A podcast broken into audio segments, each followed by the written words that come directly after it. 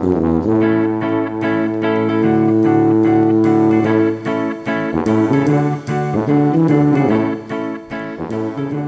ønsker vi velkommen til ei ny sending av Vekas utvalgte i Radiostryn. Og for dagens gjest så har en stor del av livet handla om fotball, både som hobby og gjennom jobb. Han kom til Stryn fra Island som niåring, og har siden da både blødd og svetta og gråte for strynedrakta i kraft av rolla som både spiller og trener. Nå er det derimot familiebedrifter og suvenirer som gjelder. Velkommen til deg, Johan Sigurdsson. Tusen takk. Hvordan står det til? Jo, det står bare veldig bra til. Eh, nå er vi på en måte i slutten av en, eh, en hektisk eh, suvenirsesong, turistsesong. Så nå er det litt roligere dager, men det har blitt mye, mye sitting i bil og eh, mye reising i, året. Ja, vi kan jo røpe at det har ikke vært bare enkelt å få deg som gjester. Jeg tror jeg har prøvd eh, tre, tre ganger før, men nå, nå forstår jeg at eh, nå har du senka skuldrene litt mer. Ja da, det, det er jo litt sånn i den bransjen så må en bare hive seg rundt når det er, det er ting som må, må gjøres. Så eh, vi hadde jo gjort noen avtaler, men da eh, dukka det opp andre ting som eh, var viktigere enn dette akkurat der og da. Ja, Unnskyldt eh, er du, det er helt sikkert. Men eh, fortell litt, hva går jobben egentlig ut på? Det går ut på eh, å selge suvenirer til uh, suvenirbutikker og andre typer butikker som, eh, som ønsker å, å selge varene våre. Eh, vi selger jo eh, Altså, det er jo et enormt eh, vareutvalg, eh, men det er klart at eh, jeg og du eh, vil nok ikke kjøpe eh, 90% av det som vi, eh, vi selger. Så det, det er jo mye troll, og det er nøkkelringer og magneter og alt mulig rart. Som jeg i somme tilfeller tenker at eh, hvordan i alle dager går det an å selge det her? Men eh, turistene vil ha det, og da er det jo viktig å ha det i butikkene som, eh, som selger det. Men det er klart vi har jo en del andre ting òg med, med strikk og og eh, ja, en del eh, ting som også nordmenn eh, syns det er fint og ønsker å kjøpe. Ja, Har det skjedd noe i utviklinga på suvenirbransjen, eller er det som du sa, nøkkelringer og, og troll og sånt som fortsatt gjelder, eller eh, har det skjedd noe? Nei, det er, det er stort sett Du ser ofte at eh, bestselgerne i år, det er, jo, det jo varer som har vært i ekstremt mange år. Altså det er ting som ikke går ut på dato. Eh, og det er jo en fordel med det. sant? At eh, Har ikke du fått solgt ut alt eh, det året her, så vet du at du får eh, Du selger det eh, neste år. Eh, så det er, ja, det er jo en stor fordel i forhold til mange andre bransjer der, der ting går ut på dato.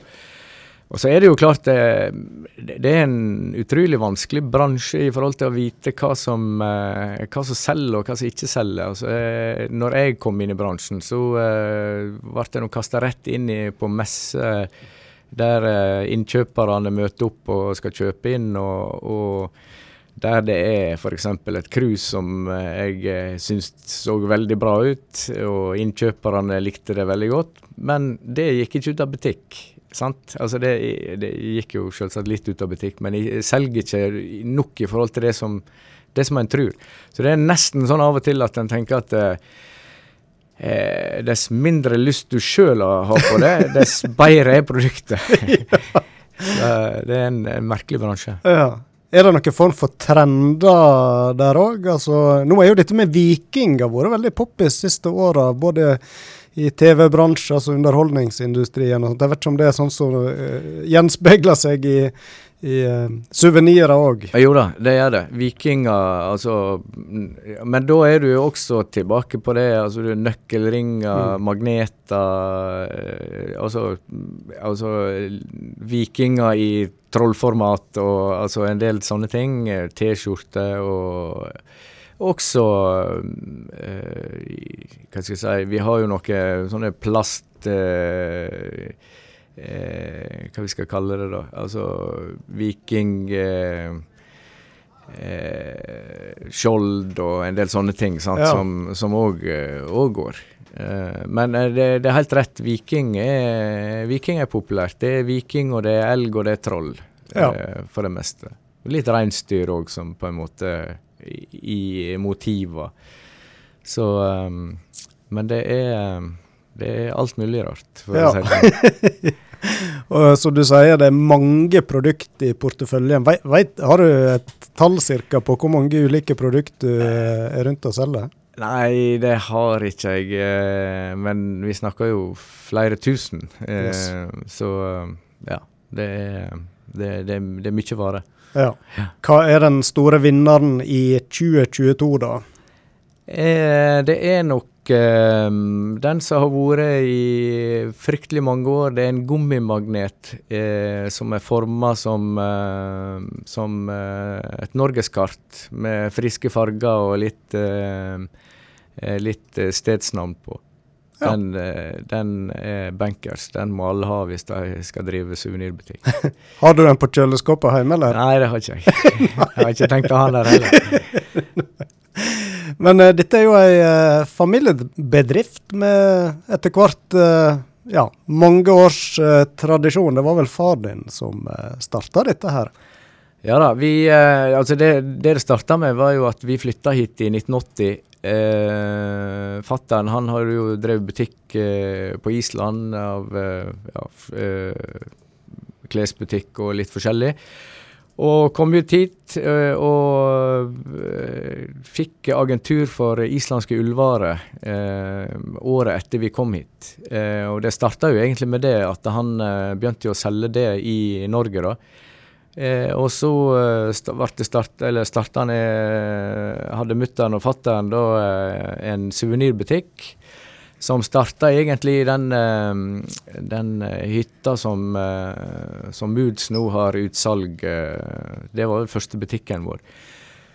Og så var det å flytte litt rundt. Det ble starta, eller bygd eh, Sentrumsgården, så der hadde vi butikk og lager. Eh, og etter hvert så, eh, så fikk jo, eh, jo fattern Eller ble selger for det selskapet som vi nå jobber for eh, Veinor i 1987, eh, tror jeg. Så, eh, så, fra 1987 så var det jo, drev jo de butikken og eh, holdt på med det her eh, med å selge til andre butikker i, på Vestlandet. Eh, og når jeg kom inn i 2020, så eh, fikk vi Nord-Norge, og nå i september så fikk vi Østlandet òg, så nå har vi egentlig hele Norge som eh, arbeidsplass. Ja, og da er det du og far din som uh, reiser rundt, eller har dere andre ansatte? Nei, det er, kun, det er kun oss. Eh, vi har reist veldig mye i lag i år, og det er jo litt fordi at jeg skal bli kjent med de kundene som han har hatt et eh, forhold til i 35 pluss år. Eh, og han er jo i somme tilfeller begynt på sin eh, tredje generasjon eh, butikkdriftere. Så, eh, så er det klart at jeg er jo veldig heldig som har liksom kommet inn her og, og, fått overført den relasjonen som han har hatt i så mange år. Så, så, det er jeg jo veldig veldig glad for. For det er klart at på, på sikt så, eh, så vil det jo være meg som driver dette videre. og Eh, håper jo selvsagt at han skal være med lengst mulig. Eh, men det er klart at eh, etter hvert når vi har hele landet, så blir det jo til at vi må dele oss. Vi kan ikke reise i lag overalt. Hvordan er det å farte rundt med far sin i godt voksen alder, da? Ja, det er jeg veldig glad for. fordi eh, det er klart at vi får eh, mye gode samtaler i bilen. og, og Eh, det ser jeg på som ja, en, en veldig god ting. Og vi har nå alltid gått veldig godt i lag, så, så, det har ikke vært noe problem. Det har egentlig bare vært veldig positivt, og det er Jeg syns det er veldig kjekt litt tilbake til samme samtaletema som det var når han kanskje kjørte deg rundt på fotballkamper, eller? ja, du kan si at han var ikke den som kjørte mest på fotballkamper, fordi Nei. at han var mye vekke. Men han var nå så kamper og sånt. Men, eh, men eh, i de tider så, eh, så var jo han òg eller veldig opptatt med, med, reising i jobben, så, så det, det, er mer prat nå. Ja. Eh, men butikk, det har ikke dere nå lenger? Nei. Eh, det, den ble solgt for en god del år siden. og Da, var det den butikken som da uh, lå uh, i uh, det vi kaller bankbygget, da, skulle si, der, der han Roger Vik har kiosk. Ja. Det er vel det siste lokalet som vi hadde butikk i. Eh, litt mer sånn Hva går jobben for deg ut på? kjører du rundt med varer land og strand du nå, da, eller er det Nei, vi kjører veldig lite ut med varer. Vi, eh, vi reiser rundt eh, til butikkene eh, og tar opp bestillinger. Eh, vi eh, hva skal jeg si, hjelper dem i forhold til å få fram varer fra lager, og eh, rydder litt når vi er der. Og ja, ellers eh, blir det jo Så er det jo klart at det blir jo mer og mer digitalisert. Sånn at eh, nå har vi jo en, en, meget bra nettbutikk som de fleste kundene nå har gått over til, sånn at de kan bestille direkte derifra. Eh, men det blir jo òg å følge opp eh, på en måte eh, De store kundene blir det å gå gjennom salgstallene fra for det, det, har jo jeg holdt på med nå litt i, i forhold til å se hva som blir solgt eh, hva som selger dårlig, kanskje bytte ut ting i sortimentet og litt sånne ting. Når det er nye ting, så må vi rundt og, og vise dem. Og, og, vi har drevet og solgt inn mye gensere nå, forhåndssalg på gensere som kommer neste år, og, og litt sånt. Så det, er en, det, er en, ganske allsidig jobb sånn sett. Og så er det av og til at vi får beskjed eller eh, at det er nye butikker, og da må vi gjerne hjelpe til å bygge opp og egentlig hjelpe dem med å finne ut hvordan de skal sette opp eh, varene for at de skal selge best mulig, og, og sånne ting. Mm. Mm. Du eh, starta jo for fullt med dette tidlig, ja det var vel 1.1. Det er i 2020, og det, du fikk en litt sånn Eh, vi kan vel ikke si det var en drømmestart da, i denne bransjen? Nei, det stemmer det. Jeg, eh, jeg begynte 1.1.2020, og vi var ute og solgte. 2019 hadde vært et veldig bra år. Eh, og de fleste, eller alle, tenkte at 2020 blir jo meget bra. Og det så veldig bra ut, så vi var ute og solgte i to og en halv måned og solgte kjempebra. Og så kom koronaen, og uh, da var det full stopp. Så uh, alle leveringer ble stoppa, og ja. Så det var uh, Ja, det var jo strek i, en strek i regninga, akkurat det. Og men det er klart, da måtte en jo bare tenke positivt og finne ut at her må jeg finne på hvert annet imens. Så da ble det Tonning skole ja. i to år. Du har jo lang, Vi skal litt inn på hva du har drevet med opp igjennom, men uh, utdanninga di og jobben din har jo vært nær knytt til skoleverket egentlig i de fleste av dine arbeidsaktive år. da, Men mm. å jobbe på en barneskole, det var nytt for deg, forsto jeg? Ja, jeg eh, hadde jo eh, har jobba 20 år på, på, videregående. Jeg har faktisk hatt deg som elev, Roy. Ja. eh, og um, i idrett og samfunn. Ja. Husker du det, eller? Jeg kan ikke huske fag sånn, men når du forteller Jeg husker godt jeg hadde deg som lærer, ja. Jeg, eh, jeg, tenkte på det i går uh, før jeg skulle komme hit, at jeg må jo nevne det her. Vi hadde et prosjekt i idrett og samfunn der, der elever, eller dere, var satt i gruppe og skulle lage video av Så da ja. fikk vi se skuespilleren Roy, og da spilte du en overivrig far. Stemmer det. Den har jeg faktisk Jeg har leita etter videoen opp flere ganger opp til og, men aldri funnet den. Den hadde vært veldig fin, og, fin å ha. Den hadde vært artig å sette igjen. Eller jeg vet ikke hvor artig den hadde vært, men Den var meget god. Den var meget god. Vi koste, når du nevner det, så husker jeg godt eh, vi, vi brukte litt eh, tid og energi på den. Jeg ja, syntes det var artig. Ja. ja.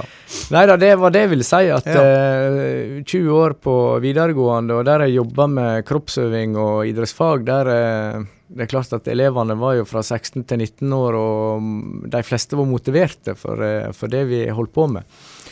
Så det var jo eh, veldig flotte år, eh, og fikk jobbe mye med fotball og, og og sånt som jeg eh, liker godt. Spesped hadde jeg, som jeg elska å ha. Eh, de største opplevelsene som lærer fikk jeg der. spesielt i svømming med, med dem. Det, det, er ganske rått når du starter opp med, med folk som, uh, som ikke kan å svømme, og så ender opp med å svømme 1000 meter hver eneste gang. Altså én gang i veka. Det, var, det, det er nesten så du får tårer i øynene av. Så det, det, det, det, var fantastisk. Men uh, tilbake til uh, barneskolen, ja. Det, jeg må bare si at jeg har så ekstremt respekt for de som uh, er lærere i, uh, i barneskole, for det, det, var en tøff overgang for meg å komme dit. Uh, ekstremt dedikerte folk som jobber på Tonning skole. ledelsen og ikke minst lærerne som jeg hadde mest med å gjøre, selvsagt. Jeg er utrolig imponert, og jeg håper at, eh, at eh, foreldre som har unger på Tonning skole, forstår hvor stor og god jobb lærerne på Tonning skole gjør. Ja, det, det, handler rett og slett om litt mer enn bare undervise, som du kanskje gjorde mest av på videregående? Litt ja, flere roller, på en måte? Ja, det blir jo det. Og det er store klasser, og det er um, Altså, av og til så føler en jo at en er på Skal jo både være far og mor og bestemor og bestefar og, og fredsmegler og, og psykolog og alt. Altså, du og, og, Det er jo kjempegivende og er utrolig mye kjekke elever, men der er Altså, det, det, elevene er ikke på Altså, det, det jeg tenker altså, Respekten for altså, Vi hadde ekstremt respekt for, eh, for lærerne våre, og det, det gjelder ikke alle i, i eh, grunnskolen lenger. Eh, det gjør det sikkert ikke på videregående heller nå, eh, det vet jeg ikke. Men, men, et eller annet har skjedd med samfunnet i forhold til dette her, føler jeg, da. Mm. Var du skremt?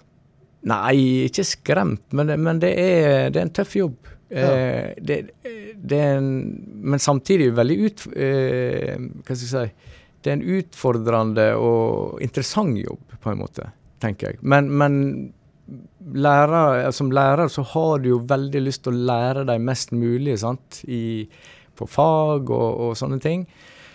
Men jeg føler det at uh, i sånne tilfeller så, så uh, detter det litt for langt bak, tenker jeg. Mm. Så, så det, det, er mitt inntrykk. Men jeg hadde to fantastiske år. og og det å, å, gå i Stryn sentrum nå og, og, treffe elevene som jeg hadde på, på Tonning skole eh, disse to åra, er jo helt fantastisk. Der de står og roper 'hei Johan' på 100 meters avstand. Sant? Så, så det viser jo det at det er, det er utrolig givende å være lærer òg. Det er jo det. Få være med å påvirke uh, unger sitt liv. Unger og ungdom sitt liv. Ja.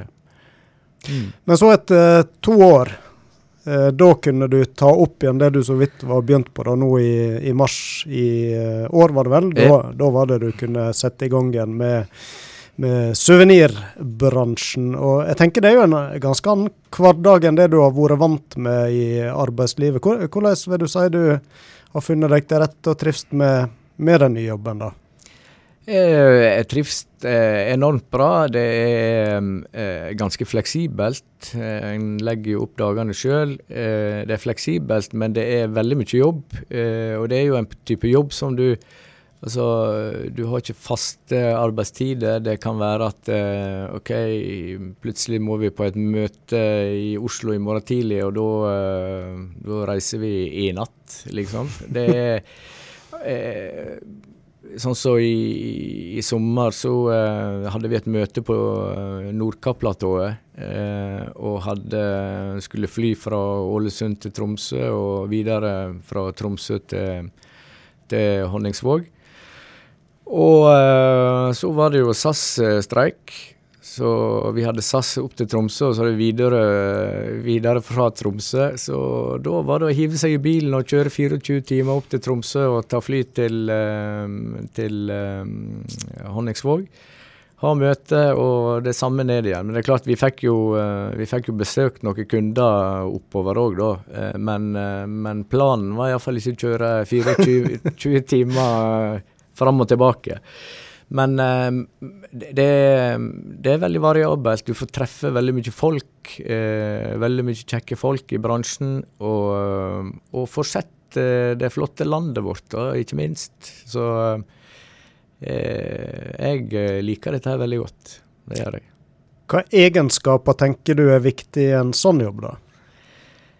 Mm, det er nok Du må være flink med folk. Eh, tenker jeg. Du må eh, Du må hva skal jeg si, være fleksibel. Eh, hive deg rundt. Og, og egentlig, du, du, må på en måte tenke på kunden sitt beste hele tida og ønske å gjøre det som er best for kunden, og til slutt så blir jo det det beste for deg sjøl òg, på en måte, og firmaet du jobber for. Så Men, men du må du må like å, å være rundt folk, iallfall, og like å ta i et tak. Og det er denne jobben du nå ser for deg du skal pensjonere deg fra når den tid kommer, eller? Ja, det er planen, det. Eh, så jeg eh, håper jo det Altså, det, det, er jo, det, er jo, en veldig sårbar bransje, sant. Det så vi jo under eh, pandemien. Vi ser jo òg eh, klart at, eh, at, krigen som nå pågår, kan jo påvirke eh, turismen i Norge. Og, og, det er jo helt avgjørende for oss at det kommer turister til, til landet for at vi skal kunne gjøre jobben vår best mulig. Eh, så, så det, det, er sårbart, men, men jeg tenker at eh, hvis en må gjøre andre ting i, i, i mellomtida, eh, hvis det skulle skje ting, så har jeg nå gjort det før og har ikke noe problem med å, å hive meg rundt på det flere ganger. Men, men, planen er jo å drive med dette her i, i en god del år til, ja. Du hører på Ukas utvalgte i Radio Stryn, og gjest er Johan Sigurdsson. Og vi, vi kan kanskje starte med å dvele bitte litt med, med, navnet ditt. da. Sigurdsson. Du er fra Island, og da heter vel far din Sigurd, da? Ja da, han heter Sigurd. ja. Han heter faktisk Sigurdur på, Island, ah, oh, ja. Sigurdur på islandsk. Men uh, UR-en går vekk når, uh, når, du skal sette i hop det her uh, etternavnet. Eh, så Han heter jo eh, Torvaldsson, og det betyr jo at faren hans heter Torvald. Ja. ja. Så, eh, og så er det klart, jeg, jeg, har jo to døtre, og de heter jo eh, Johansdottir. Eh, og det betyr at de er døtrene til Johan, og det var nå et valg så vi Altså, de hadde jo ikke trengt å hete det, men, men det ville vært unaturlig at de heter Sigurdsson, følte vi. Ja. Eh, ja, det ville blitt rart for dere. Ja, sant, ja. det ville jo det. Og de, altså Samboeren min het jo Marte Rekdal, så, det, så de kunne òg ha hett Rekdal uten uh, noe annet. Men uh, vi, vi syns at Johan Johansdottir høres fint ut, og litt kjekt å, å dra uh, hva skal jeg si, familietradisjonen videre. Så vi er nå litt stolte av å være fra Island. Ja, jeg skulle til å spørre om det. Er, er det fortsatt uh, heimlandet? Um, jeg er vel den i familien som på en måte har blitt mest, eh, mest eh, norsk, føler jeg. Jeg føler, meg, jeg føler, jo egentlig at, at jeg er kanskje blitt for, for norsk, men, men jeg, jeg, føler meg jo som begge deler, for å si det sånn. En fin miks av islending og, og nordmann, egentlig. Det gjør jeg. Ja. Dere kom jo til Stryn ja, ni år? Ja, da, ja, jeg var ni år. 1980 kom vi til Stryn. Ja. Hvordan var det? Det var eh, fantastisk, egentlig. Eh, vi har jo snakka om det mange ganger, at vi har vært utrolig glad for å komme til Stryn, og vi ble tatt eh, enormt bra imot. Eh, det var eh, Ja, jeg begynte jo rett i tredje klasse på Tonning skole og ble tatt imot uh, ekstremt bra, og folk var nysgjerrige på denne utlendingen. Og jeg tror faktisk at jeg var uh, Jeg tror faktisk at jeg var den første utlendingen som uh, begynte på Tonning skole. Så det var ikke vanlig, på en måte. og og det gjorde jo at eh, en ble veldig spennende for de andre, og det var mye folk som hadde lyst til å bli kjent med meg. Og, og ja, det kunne ikke blitt bedre. Eh, og hele familien ble jo tatt veldig godt imot. Så ja. Hva som gjorde at eh, dere flytta hit i utgangspunktet? Ja, Det er jo faktisk ei litt sånn lang historie. Det starta jo faktisk med at, eh, at onkelen til mora mi eh, gifta seg med ei fra Hennebygda. Som da bodde på Sandane. Og når mora mi var 17, så, eh, så eh, prøvde hun seg på eh, på eh, Vereide. Altså hun gikk ett år på Vereide på, på folkehøyskole der. Ja. Eh, og, og, og det var jo gjennom hun tanta hennes, da. Så fikk jo hun eh, mange gode venner eh, som hun var i lag med der, og blant annet Margaret Flo, som ble ei god venninne, som da var fra Stryn, og eh, i ja, litt sånn brevveksling som det var før, de unge veit vel omtrent ikke hva det er, så, eh, så eh, hadde de ordna jobb og plass å bo, og så skulle vi prøve i ett år. Fatter'n hadde jo òg vært i Norge et halvt års tid på en eh, minkfarm nede i Sande i Vestfold, så det, begge to hadde jo vært i Norge, da. Så, eh, så de ønsket å prøve dette i ett år, og det var jo det som var planen. Men eh, siden vi ble så godt tatt imot og hadde det så godt, så eh, har vi jo blitt eh, værende. Nå er det jo ja, 42 år siden. Og for deg så var vel kanskje fotballen en fin inngang til å bli kjent i lokalmiljøet? Ja, det var det. Eh, jeg hadde utspilt fotball eh, på Island. Eh, kom til Stryn, der det var veldig mange som var fotballinteresserte. Og jeg Som trener så har jeg ofte sagt det at en må tenne den indre flammen i folk når de har lyst til å bli god i noe. Og, det å få en interesse for noe. Og jeg, jeg har fortalt dette her før, men, men jeg husker veldig godt når den her flammen kom i meg i forhold til fotball, og det var eh, Det var i et friminutt, eh, sikkert den høsten eh, når jeg kom. Eh, der eh, da var grasbane der som nå er asfaltplass på, eh, på Tonning skole, og ja, eh, masse folk som spilte og delte i to lag. Hvordan en delte lagene, det husker jeg ikke, men i alle fall så fikk laget vårt straffe, og da var jo jeg som ble valgt ut til å ta straffa, sikkert fordi at jeg var ny. sant? Og, og i, i, målet der sto den store helten, sant? keeperen på lilleputtlaget eller småguttelaget, jeg veit ikke. Alf Ole Gotteberg, da, som ble Alex-keeper seinere. Han var jo tre år eldre enn meg, han sto i målet. Og jeg skjøt og skårte, og så eh, ble det jo eh, Det var full jubel, og jeg ble jo båret inn på gullstol inn i, i klasserommet. Og tenkte at jeg, ja, dette her er kanskje ikke så dumt å bli god i fotball, fordi at da kan en jo eh, Ikke det at jeg forventa å bli båret ned på gullstol hver dag, men, men det, det, gjorde et eller annet med flammen inni meg som gjorde at jeg eh, tror jeg spilte fotball hver eneste dag etter, etter den dagen. Og fikk fort resultat, egentlig. Altså ble sånn helt OK. Eh, og ja, vi hadde jo et, en veldig fin gjeng i 71, 72, 73-kullet. Eh, 70 òg, for så vidt. Altså de, de kullene som var, var rundt, eh, rundt, meg. Så, så, vi hadde jo gode lag i aldersbestemt eh, opp gjennom hele Så det var, det var, jo stas å være med i godt kameratskap, og i tillegg eh, eh, få gode resultat og, og mange som ble gode fotballspillere ut av det.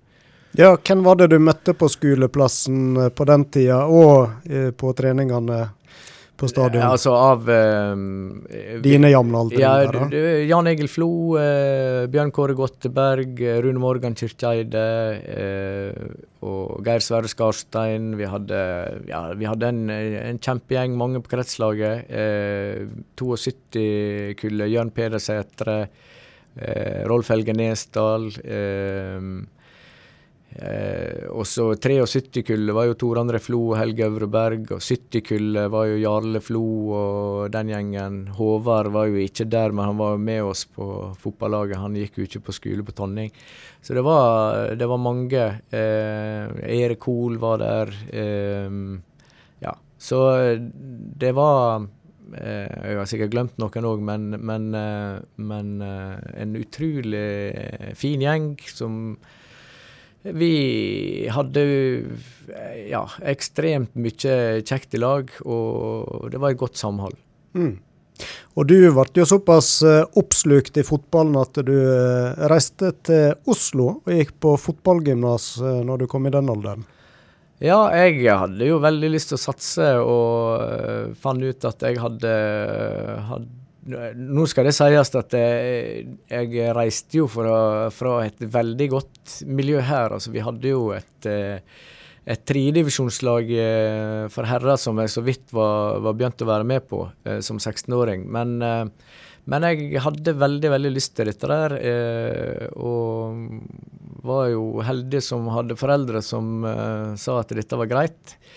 Eh, og, og, gikk på, på Lyn Vang i tre år, men jeg var jo såpass heimkjær at jeg spilte jo på Stryn de to første åra og pendla til Stryn eh, og spilte med A-laget til Stryn der. Ja. Så det var jo ikke før eh, mitt siste år eh, da tenkte jeg nå har jeg lyst til å prøve noe annet, så da, eh, da ble det Lyn. Eh, spilte på juniorlaget og, og andrelaget til Lyn i 1990 fram til sommeren. da flytta jeg hjem igjen til Stryn. Du var rett og slett for heimekjær da? Ja, jeg har alltid vært det. Ja. Det, um, det, er, sikkert bra på en måte. Jeg angrer jo ikke på, uh, på valgene jeg har gjort, sånn sett. Men, uh, men jeg har alltid ja, Jeg gikk tre år på Elverum på lærerskolen og spilte for Stryn da òg. Pendla fram og tilbake. Jeg var, var, et år på Island, uh, og ene halvåret der så kom jeg òg hjem igjen fra Island å, for å spille kamper. Eh, ikke hver helg, men ja, jeg gikk ikke glipp av så forferdelig mange kamper det året. Men eh, spilte på juniorlaget til Lyn. Tror du de kunne blitt noe mer der? Altså tenker A-lag Lyn på litt sikt? Altså Var du framme å snuse litt på det mens du var der, eller? Ja, jeg var for så vidt det. Men det som skjedde, var at eh, jeg ble kneskada helt på slutten av vårsesongen. der. Hadde egentlig tenkt å være igjen i Oslo, men eh, jeg fant ut at eh, det å være sommeren i Oslo mm, skada, det eh, hadde ikke noe for seg. Så da, da for jeg eh, hjem igjen. Det, det, som var litt dumt å ikke få være med på, det var jo at eh, seinere på høsten så ble jo det juniorlaget norgesmestere. Så det hadde jo vært kjekt å fått med seg. Så, men, eh, men en veit jo aldri eh, om uh, uh, hva, hva, det hadde blitt av, sånn sett. jeg hadde jo store ambisjoner, hadde jo lyst til å lykkes, men, men det er lett å si etterpå at hadde jeg gjort det og det, så hadde jeg vært så og så god. Men jeg ble ikke så god som eller jeg ble egentlig bare så god som jeg ble. jo, jo, jo. Men uh, du spilte jo på Stryn, som du sier, alle disse åra, uh, selv om du uh, var både til Island og tok kroppsøvingslærerutdanning på Elverum. hva lag var Stryn fotball på den tida? Det varierte nå sikkert i løpet av karrieren, men ja, de, hva nivå Uh, I starten, jeg begynte i 87, så var jo vi eh, et uh, godt tredivisjonslag. Eh, nå husker jeg ikke helt når vi rykte ned, men om det var i 90, kanskje. Og, og, når du sier tredivisjon da, så var jo det andre ja, det andre, ja, nå. Så det var jo, det var jo Eh, et veldig bra nivå. Eh, og etter hvert så rykte vi ned, men i 95 så rykte vi jo opp igjen. Eh, og spilte vel der til ja, jeg, jeg, klarer ikke å huske disse åra, men kanskje ja, det var jo i 97 slo vi ut Molde. og 98 slo vi ut Hødd. Og var, vi var jo i tredje runde i cupen to år på rad. Mm. Eh, det, er, det, er, en ganske bra prestasjon. Og i 96 var vi vel ett poeng fra å rykke opp i det som nå er Obos-ligaen. Ja. Så det var, jo, det var, jo, et bra nivå. Det var det. Og mye gode fotballspillere. Og, men det var på en måte det, det, var, Alle disse åra her så var det et mye eldre lag eller det vi ser nå. Eh, nå er det jo veldig mye ungdommer som spiller, og, og eh, Eh, det, er jo, det, er jo, bra, det, men, men, det var et eldre lag. altså Det var en det var en bedre miks, på en måte. Og det var jo litt fordi at eh, eh når folk hadde utdanna seg og kom hjem igjen, så, så var de med og spilte i, i, mange år. Så vi hadde mye rutinerte spillere.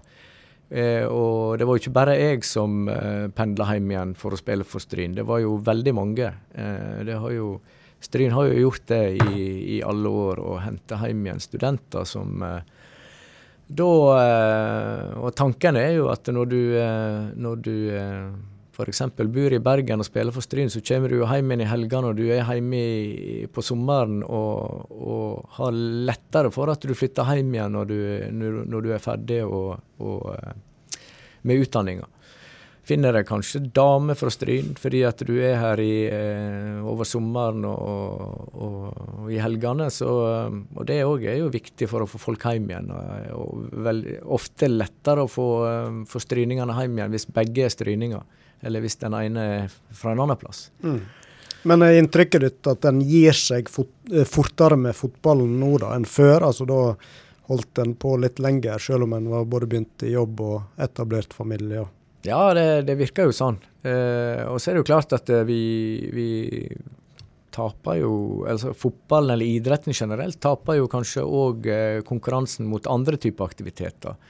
Så, eh, så det er en jobb å gjøre der. Og, og eh, det er jo klart at det, når, når en ser på den tida som jeg spilte, så du, du savner jo litt kampene, og du savner litt eh, fotballtreningene og sånn, men, men, det du savner mest, det er jo kameratskapet og, og denne her eh, tida før og etter trening, der en sitter i garderoben og prater piss, og ja, ikke minst reisende, som jeg har inntrykk av for de yngre nå, er et ork å sitte i buss og reise til Florø, så gledde vi oss.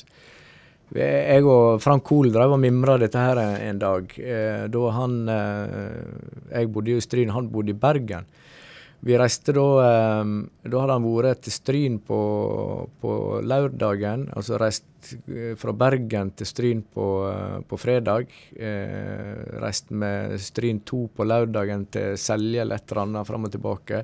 Og så var det rett til uh, Haugesund uh, med buss på søndagen. og så opp igjen og kjøre forbi Bergen for å sette av disse her bergenserne, de som satt der. Og Da sa Franken at da kom til Bergen, så han hadde ikke lyst til å gå av bussen. Han hadde helst lyst til å være med bussen hjem igjen. Og Det sier litt om hvor kjekt vi hadde det på tur. Så det, buss, jeg, jeg savna bussturene. Det skjedde så mye morsomt og kjekt at, eh, at det, det, det, var høydepunktet, altså. Ja, ja. Vi gledde oss til å reise på kamp.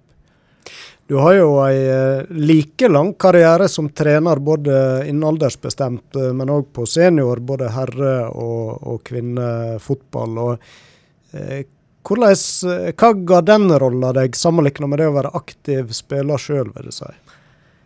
Eh, nei, det, det jo, var jo òg veldig utfordrende og kjekt. Eh, som trener for Stryn så følte jeg et veldig ansvar for, eh, for resultatet. Altså eh, Stryn med gode tradisjoner, så, så var det liksom du følte jo altså det, det, er jo den jobben du som er mest eh, berg-og-dal-bane. Når du vinner kamper, så er verden herlig. Eh, og så når du taper, så er du eh, langt ned i skiten. Sant? Og du føler jo på en måte at hele bygda er på, på, det samme. Nå er jo, tror jo jeg kanskje at alle i Stryn er fotballinteresserte, det er de jo ikke. Men, men, men det, det, betyr så mye for så mange. Og jeg sier det at eh, når eh, for å trekke paralleller til eh, altså hvor mye det betyr. Eh, det er klart at for en stryning så betyr det like mye å, å slå Eid som for en fra Liverpool å slå Everton. Altså følelsen er lik, mm. selv om nivået er helt annet.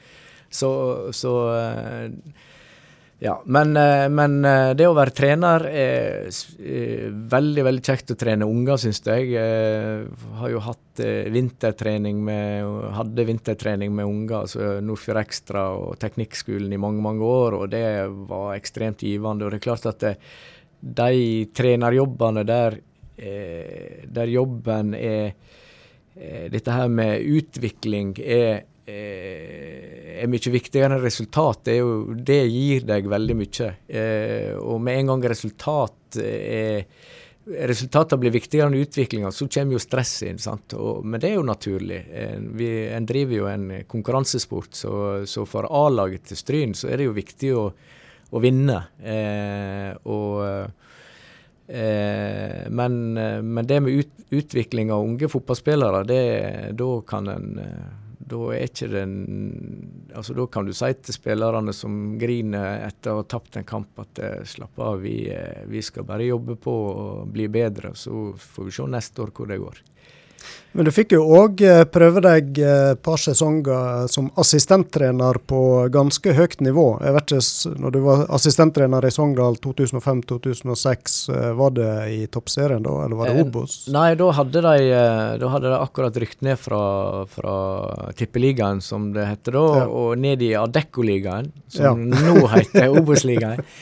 um, uh, så det var, jo, det var jo store forventninger. Uh, jeg første året var jeg assistenttrener når uh, Trond Fylling var hovedtrener, og andre året var Stig Nord uh, hovedtrener.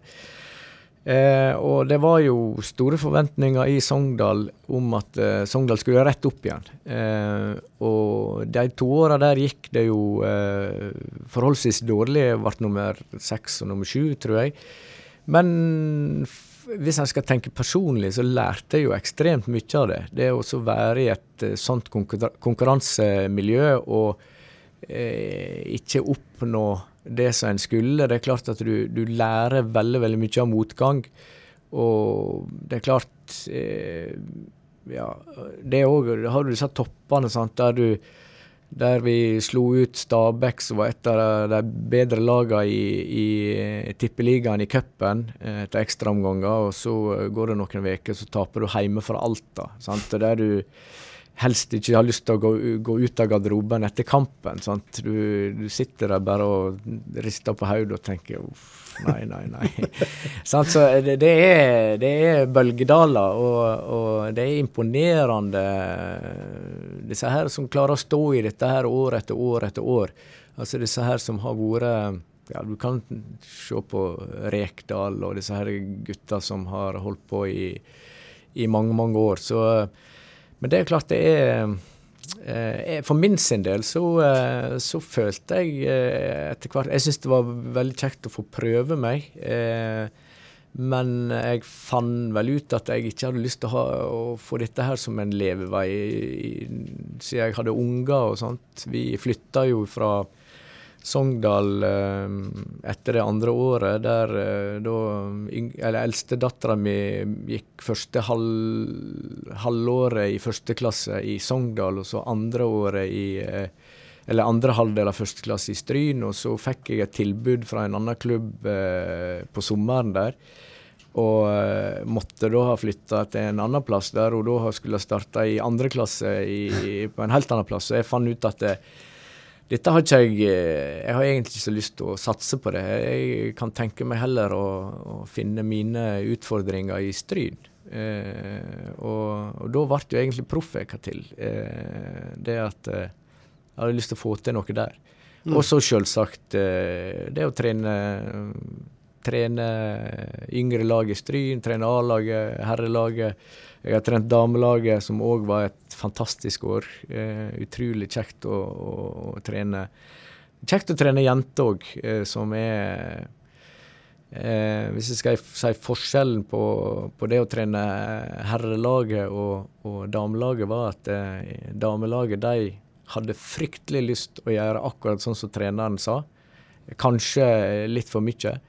Mens eh, på herresida så var det litt flere meninger om hvordan ting skulle gjøres, og en ikke alltid klarte å få alle til å dra i samme retning. Selv om det var eh, fantastiske år, det òg. Eh, jeg husker spesielt de tre siste åra eh, som herretrener i 15, 16 og 17, der vi òg hadde en fantastisk gjeng eh, med mye ja, vi er fin blanding av, av seriøse folk og klovner, som er, er veldig bra å ha i en fotballgarderobe.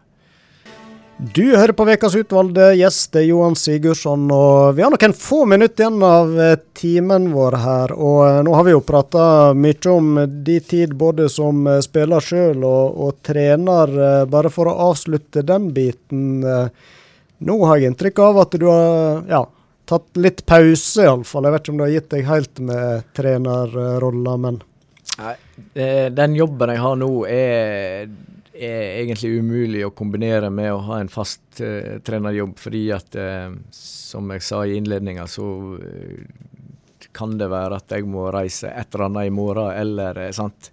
Og, så, så, det går ikke. Men jeg er jo fortsatt veldig interessert i, i, fotball. Men jeg har ikke noe fast. men jeg jeg har jo, Hvis jeg er hjemme, så kan det hende at jeg slenger meg med og får lov å være med og hjelpe til rundt et lag eh, i tida som kommer. Så jeg syns det er veldig stas. Um, og så har du jo ei datter som absolutt har fulgt i dine fotspor, uh, iallfall den ene. Tenk på Marie, som da spiller i ja, det er nå i øverste divisjon kvinnefotball. Arne Bjørnar. Ja, og det jeg syns jeg er veldig stas. Vi reiser jo ofte og ser, ser kamper der. Og ja, nå har hun jo 24 kamper til sammen for, for Arne Bjørnar sitt førstelag. Og du sier hun har gått i mine fotspor, hun har gått langt forbi mine eh, fotspor. Så eh, 19 kamper i år, og ja, det er Eh, det er litt kjekt å se, at hun har på en måte ikke vært noe Hun har ikke vært noen barnestjerne. Hun har ikke vært noe eh, Hun var ikke voldsomt god, og mange som var bedre enn hun, egentlig. Men eh, eh, hun var heldig. Eh, det er litt tilfeldigheter. Og så har hun, er hun ganske sterk i hodet. Det var mye motgang i starten når hun kom til, til Bergen, der eh, ja, i somme tilfeller er den eneste i stallen som sitter igjen i Bergen når eh, laget reiste på bortekamp eh, ja, eh, først, nesten hele første høsten. Og 2001 spilte én cupkamp og ett minutt i toppserien. Og du skal være sterk i hodet for å gønne på og fortsette å jobbe på. Så har hun som sagt spilt eh, ja, 19 kamper i år, ni kamper fra start. Eh, var på rundens lag eh, ene veka. Eh, så det er litt kjekt. Men, men eh, dette her er jo eh, også veldig Altså Det du har gjort i år, det har jo ingenting å bety for det som skjer neste år, på en måte. For en eh, må alltid, alltid, stå på for å være blant de utvalgte. Så det håper jeg at hun fortsette å, å, være like tøff i hodet og trene godt, og så får en, får en betalt deretter, vanligvis. Og så er det litt flaks og litt tilfeldigheter som, eh, som gjør at en, eh, en eh, ja, er der eller der. Men hun har gjerne denne indre flammen, hun òg, som du snakka om her i stad? Ja, og det er jo det som er, er, er det aller viktigste. Det er, ikke, det er, ikke, hjelp i hva jeg har lyst til at hun skal gjøre. Hvis ikke hun har lyst til det sjøl, så, eh, så kommer en ingen vei. Så hun, eh, hun, har nok hatt det. Eh, og, og, det er derfor, for det er mange som har vært bedre enn hun, men, men hun, har, hun, har, stått på. Og, og må fortsette å stå på for å ikke bli forbigått av alle disse her jentene som, eh, som gjør det samme som hun, trener hardt og, og vil så mye. Men et og annet råd vanker det vel fra en far som har vært i gamet lenge? Ja eh, Eller tar ikke hun imot det? jo, jo. jo, jo. Eh, hun er veldig Hun, hun syns det er OK å få, få noe råd og, og sånt, men eh, Altså Det viktigste rådet er jo at det er hun som er Det er hun som styrer det her, på en måte. Eh, det at eh, Og jeg har sagt til henne, jeg, jeg kommer aldri til å legge meg opp i noe som helst som har med eh, det opplegget hun er med på. Altså, jeg kunne aldri, ha ringt eh, noen i Arna Bjørnar og, eller sagt at jeg er misfornøyd med at Marie ikke spiller mer. For det, det er opp til hun, og det er ikke min Det har jeg egentlig ingenting med. Hun er, hun er inne i det systemet, og hvis hun er misfornøyd med spilletid, så får hun ta det opp med trenerne sjøl. Så det, jeg har vært ganske bevisst på at hun må ordne sjøl. Hun, hun har ansvar for dette sjøl. Eh, og det, det, tror jeg er et eh, godt råd til andre. At eh, en har så forferdelig lyst å være med å påvirke mest mulig, men, men, eh, men eh, ja, til, til, slutt så er det så er det opp til denne flammen i enkeltspilleren som avgjør, altså. Og eh, ja, jeg de, de gangene hun var veldig misfornøyd med å ikke få være med i troppen, eh, både i første høsten og, og, andre året, så har ikke jeg hatt medlidenhet med henne i det hele tatt. Selv om hun har ringt og er skuffa over at hun ikke er med, så har, eh, har ikke hun fått eh, trøst med meg pga. det. Det er kun hardt arbeid som teller. Timen vår den uh, fikk fra oss, uh, Johan. Skulle gjerne prata mer, men uh, jeg vil si tusen takk for den hyggelige timen vi fikk her. Ble litt bedre kjent med, med, deg og hva du driver med nå. og Så får vi ønske lykke til med når du skal ut på veiene og selge inn troll og vikinger og det som måtte være.